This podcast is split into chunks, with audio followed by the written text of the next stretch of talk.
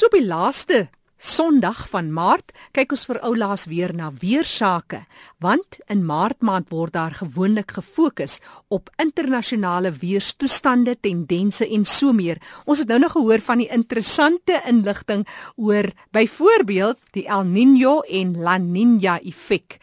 Professor Willem Landman wat vir ons meer vertel het oor wat hulle doen, watter navorsingswerk gedoen word daar by die WNNR.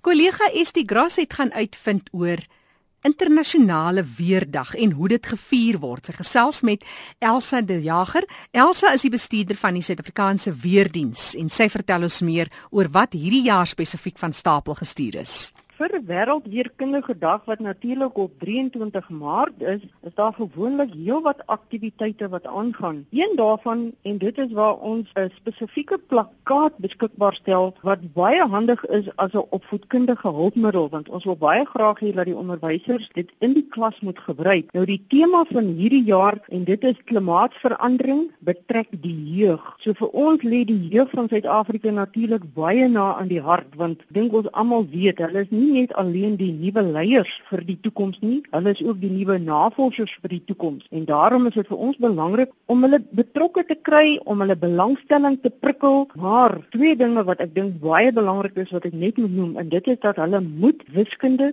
en wetenskap as graad 12 vakke het. Andersins sal hulle ongelukkig nie opgelei kan word en vaardighede kan leer in terme van weerkunde en klimaat nie. Also ek weet deel van julle veldtog is betrek 'n skool. Wat behels dit? Ja, ek het nou gesien dat ons het nou 'n funksie gehad waar hulle baie spesifiek 'n inisiatief geloods het om te sê neem 'n skool aan en daardeur gaan hulle poog om meer wetenskap en veral ten opsigte van die weer en die klimaat nader na die jeug toe te bring en dan ook juist daardeur hulle belangstelling te kweek in hierdie atmosferiese wetenskappe want die weer dit wat plaasvind vind in die atmosfeer plaas en dit is waar ons al die waarnemings doen dit is waar die voorspelling heen gaan. Maar omdat die atmosfeer ook ordelik is daarom verander dit volgens sekere wiskundige formules en daarom is hoekom wiskunde en wetenskap absoluut noodsaaklik is vir enige jong mens wat hierdie rigting 'n loopbaan wil maak. Hulle sê dat die jeug weer gereed moet wees. Ek dink weer gereed in die opsigte van dat 'n mens moet darm weet wat om jou aangaan. Waar ek al baie met die jeug te doen gehad het, dan vra jy vir hulle waar hulle nou in 'n klassituasie is. Hoorie, hoe is die weer buitekant? Is daar wolke? Dan kan hulle nie vir jou sê nie. Terwyl vir ons as weerkundiges is dit ontsettend belangrik dat jy met eintlik saamleef met dit wat buite aangaan en hoe die veranderings plaasvind. Veral vir die voorspellers, jy weet hulle wat moet sê hoe gaan die weer verander?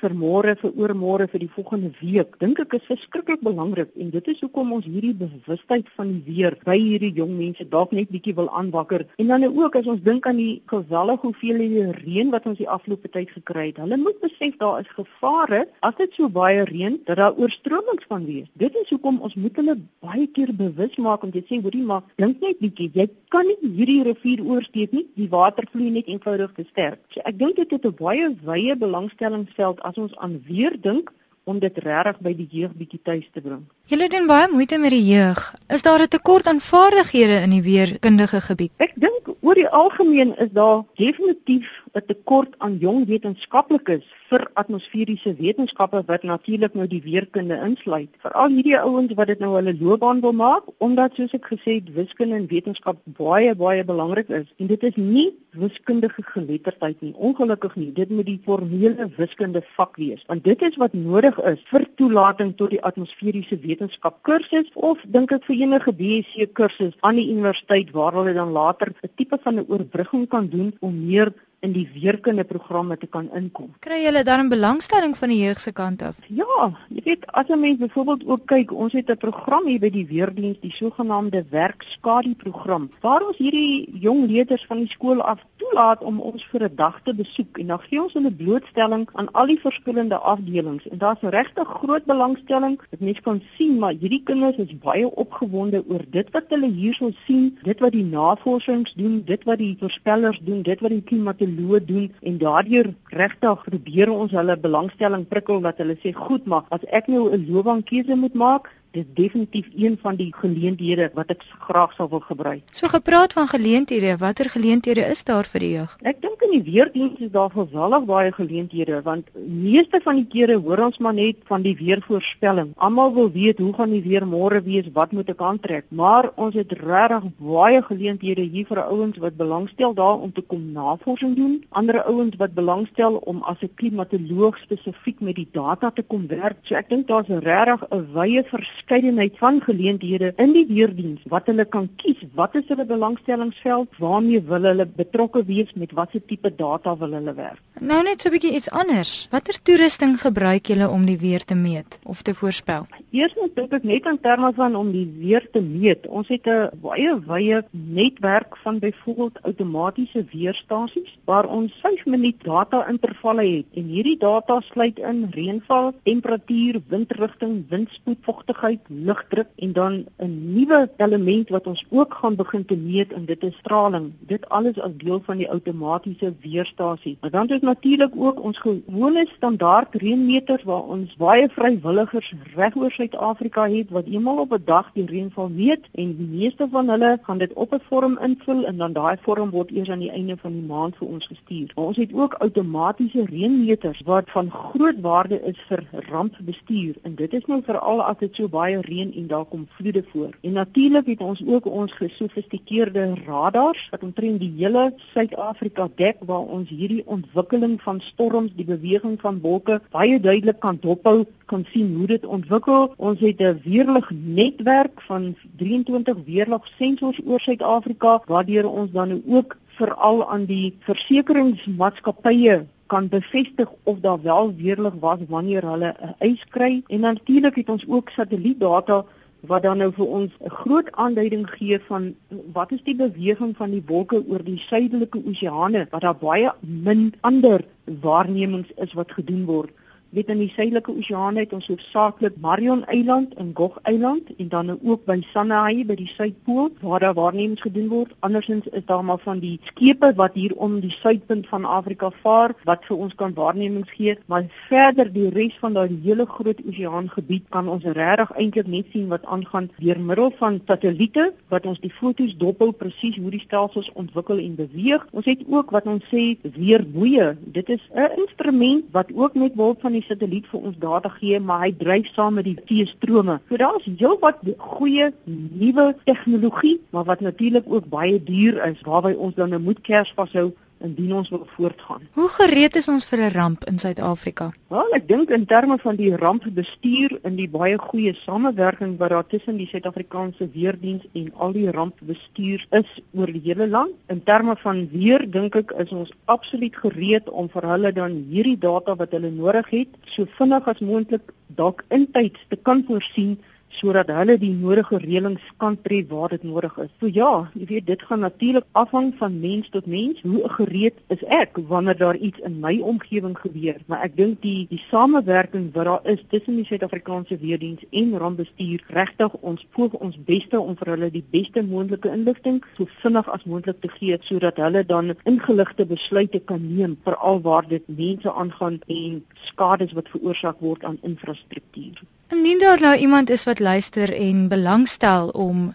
'n weerkundige te word, watter raad het jy vir hulle? Wel, vir al die ouens wat dan nou definitief wiskunde en wetenskap as graad 12 vakke het, hulle kan baie baie gerus die weerdienste webtuiste besoek want al die inligting is daarop, al die produkte wat ons het en dan ook al die kontakbesonderhede wat hulle dan vir ons kan navraag doen sodat ons vir hulle meer inligting kan gee. So ons weertuiste, die webtuiste van die weerdiens www.weathersa.co.za en ek dink dit is 'n webtuiste adres wat baie gereeld oor RSG gehoor word want dit word herhaal elke keer wanneer die weervoorspelling voorgeles word oor RSG.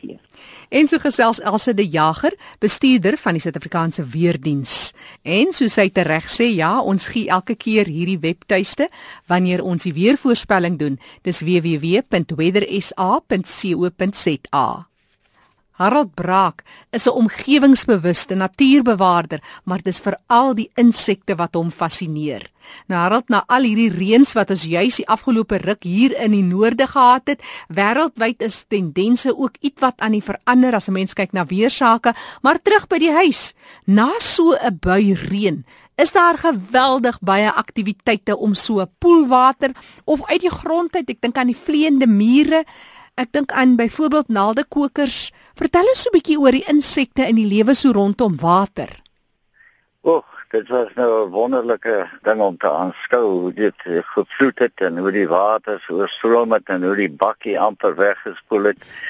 Maar saam daarmee was dit wonderlik om te hoor al die die paddas wat verskeie soorte wat ek eintlik la, jare laas gehoor het in in die omgewing het nou tevore gekom. So jy weet hierdie klein blikslaanertjies ja. en so aan daar was uh, vir my 'n nuwe padda vir die gebied is uh, nou nie 'n nuwe padda nie maar die eerste keer wat ek dit waarneem dis so 'n klein skurwe paddatjie maar die insekte die die vleiende mure soos jy sê uh, en dan die brulpaddas wat uitgekom het om om hulle te vreet en uh, ander padda soorte rubberpaddas en so aan wat wat absoluut 'n mok gemaak het tussen die die vleiende mure. Dit was dit was wonderlik om te aanskou en daar toe natuurlik die klein naaldekokers die on jy weet nog nie ontwikkel nie in die water wat oral skielik voorgekom het uh en dit dit was net wonderlik om te sien. En die sonwesies en die uh molkrieke en so on. dit was absoluut wonderlik geweest saam met die reën. En ek weet die reën het 'n klomp skade gedoen maar dit het ook 'n klomp goed gedoen vir vir baie mense ook. En vir die diere dit was ja. absoluut wonderlik was. Nou Harold wat gebeur met die vleiende mure is dit wag dit maar net vir die regte tyd om daar uit die grond uit ek het dit gesien daar in my tuin waar dit absoluut lyk of hulle hulle nie kan wag om so uit die grond uit te borrel nie en begin hulle te vlieg ja. en binne oomblikke dan gaan hulle weer dood. Ja, nee nee, kyk hulle hulle kom uit hulle borrel uit soos jy sê en en hulle hulle wag nou tot die regte vogomstandighede, humiditeit en net na 'n uh, ordentlike baie reën en so dan kom hulle uit en dan kom hulle in hulle duisende uit en dan verloor hulle hulle vlerke en dan dan en dan paar hulle. Dit is eintlik mannetjie en wyfie en dan paar hulle en dan maak hulle die koning in en en sy paar met die mannetjie en dan maak hulle 'n nuwe huis, 'n nuwe nes. Dis eintlik 'n baie wonderlike gesig om hulle te sien swerm en al die paddas, die die kleiner soogdiere en die reptiele wat mok maak tussen hulle. Dit is lekker. Hulle hulle hulle smaak amper soos peanut butter. Ek weet nie of jy daai smaak ken nie, maar hulle smaak so. Ja. En en baie mense neem hulle en en dan braai hulle. Dit is nogal glad nie sleg nie, veral as jy vrek honger is. Jy ja, weet, dis 'n goeie bron van proteïene, nie? Dit is 'n goeie bron van proteïene. Dis dis eintlik alles baie waardevolle diere en en uh Ja, nee, hulle kom aan hulle duisende en hulle miljoene en verskeie soorte kom uit. So dis dis iets om te aanskou en as 'n mens begin rondkrap en en kyk in die veld en so dan sien jy hoe hoe vreet alles op hulle. Nee, dis dis wonderlike goed daar.